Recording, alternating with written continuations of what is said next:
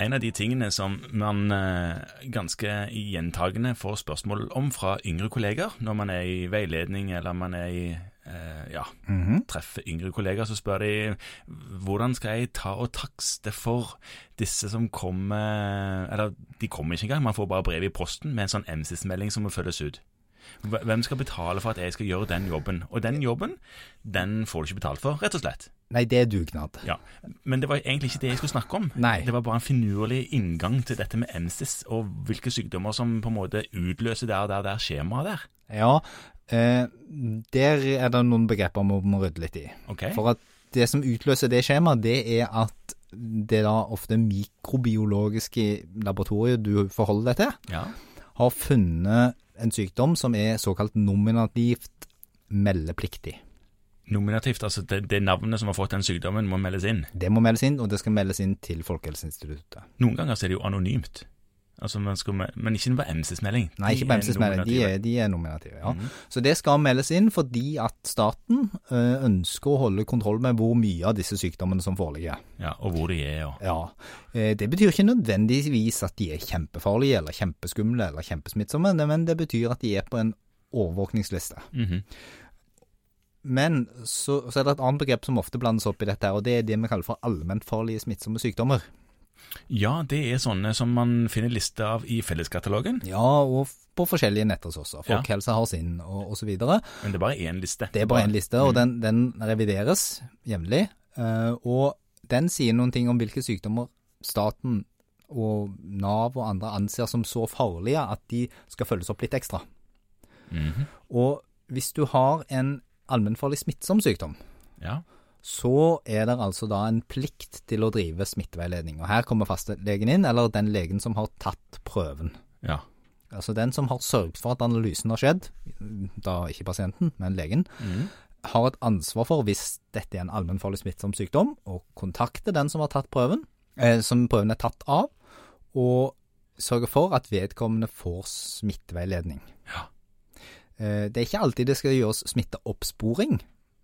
Det kan godt være, altså Denne sykdomslisten er jo lang, eh, og noen av de sykdommene er det ikke sikkert man finner ut hvor man fikk den fra. altså Gulfeber eller flekktyfus, det er sånn som man kanskje først har fått når man har kommet hjem fra den spennende ferieturen sin. Ikke sant? Eh, Men man skal drive veiledning i forhold til hvordan den sykdommen er smittsom, og hvilke tiltak som skal ivaretas. Og Så kom det en revisjon her nå litt før sommeren, eller i sommer tror jeg, det er jo ferietider i innspillende stund, Ja. eh, som sa noen ting om at nå er det kommet en liten sånn innskjerping der. Som- Aha, på hvilken måte da? Nei, altså nå er det sånn at hvis du prøver å få tak i vedkommende, og vedkommende utviser liten interesse for å bli veiledet Ja. Vi, har jo noen pasienter ja, vi har jo noen pasienter som ikke alltid er så lette å få tak i, og som ikke alltid rart, du, men det er jo en del pasienter som ikke gjør som vi sier. Ja, sant. Det er jo den store, stygge sannheten, det. At eh, hadde bare folk gjort sånn som du sa.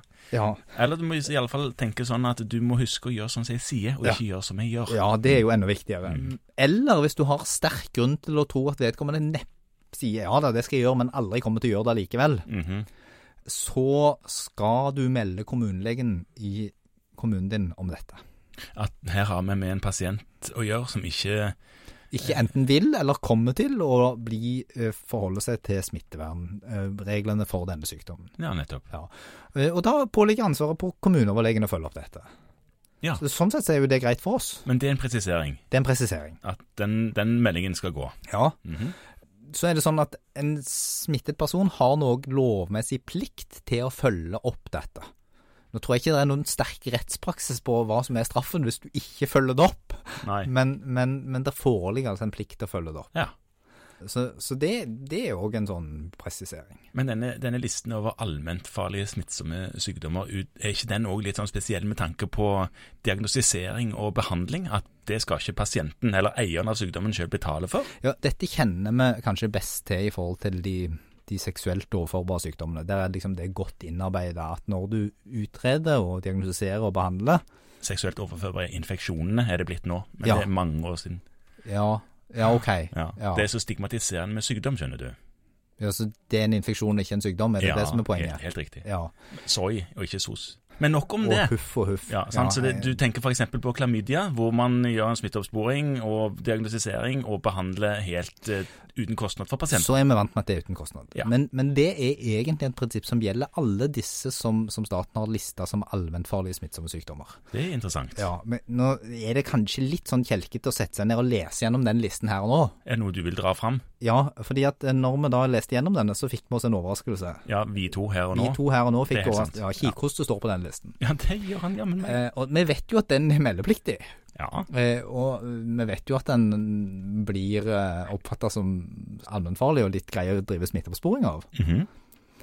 Jeg har nok vært eh, høyst slepphendt med å slippe, la pasienten slippe å være betalt for det arbeidet. ja, så en paragraf fire-resept på det der. Ja, så man skal for, hvis man skal forstå dette sånn som det står, så er det sånn at kikhoste er å anse som en allmennfarlig smittsom sykdom. Mhm. Og kostnader til utredning, diagnostisering og oppfølging av dette er dekket av folketrygden i sin helhet. ja. Og konsultasjonen, hvis det er kun det det gjelder. Hvis det primært er det det gjelder. Ja, prim, ja unnskyld. Altså, hvis de kommer inn og vi snakker om dette, og så tilfeldigvis skal de ha fornya Ja eh, diabetesmedisin på slutten, så får de nå få med det på kjøpet, da. den er, den er grei. Men det er jo interessant. Ellers er det kanskje av andre sykdommer som står her, som, som vi ser, så er det skyggelose, som jo er en sykdom som foreligger mm, av og til. Og så er det multiresistente pneumokokker og MRSA. Mhm. Eh, og så er det alle disse E. coli-bakteriene. Og meningokokksykdom. Ja. Eh, ellers er det jo mye sykdommer her som vi heldigvis ser sjelden. Altså botulisme og kopper og pest. ja, veldig, veldig, veldig sjeldent. Eh, Men nå har vi rydda litt i noen begrep. Vi begynte med MCS-meldingen og snakket der om, eh, om nominativt meldepliktige sykdommer, Ja. som er noe annet enn en liste over allmennfarlige smittsomme sykdommer. ja, At det er ikke nødvendigvis det samme. det er et delvis overlapp. Ja. Delvis overlapp, men ikke helt. er det nok veldig få, uten at jeg skal si det sikkert, så er det nok veldig få av de allmennfarlige smittsomme som ikke er nominativt meldepliktige. Det er nok kanskje riktig. Ja. Ja. Men uh, hva var det vi egentlig ville si her? Nå? Vi vil si det at det har kommet en presisering på at ved de allmennfarlige smittsomme sykdommene så påligger det en plikt til å drive veiledning. Pasientene har en plikt til å følge opp denne, og hvis de ikke vil, så har du med å sende melding til kommunelegen din om at her har vi med noen som ikke vil følge opp. Sånn var det. Flott. Fint.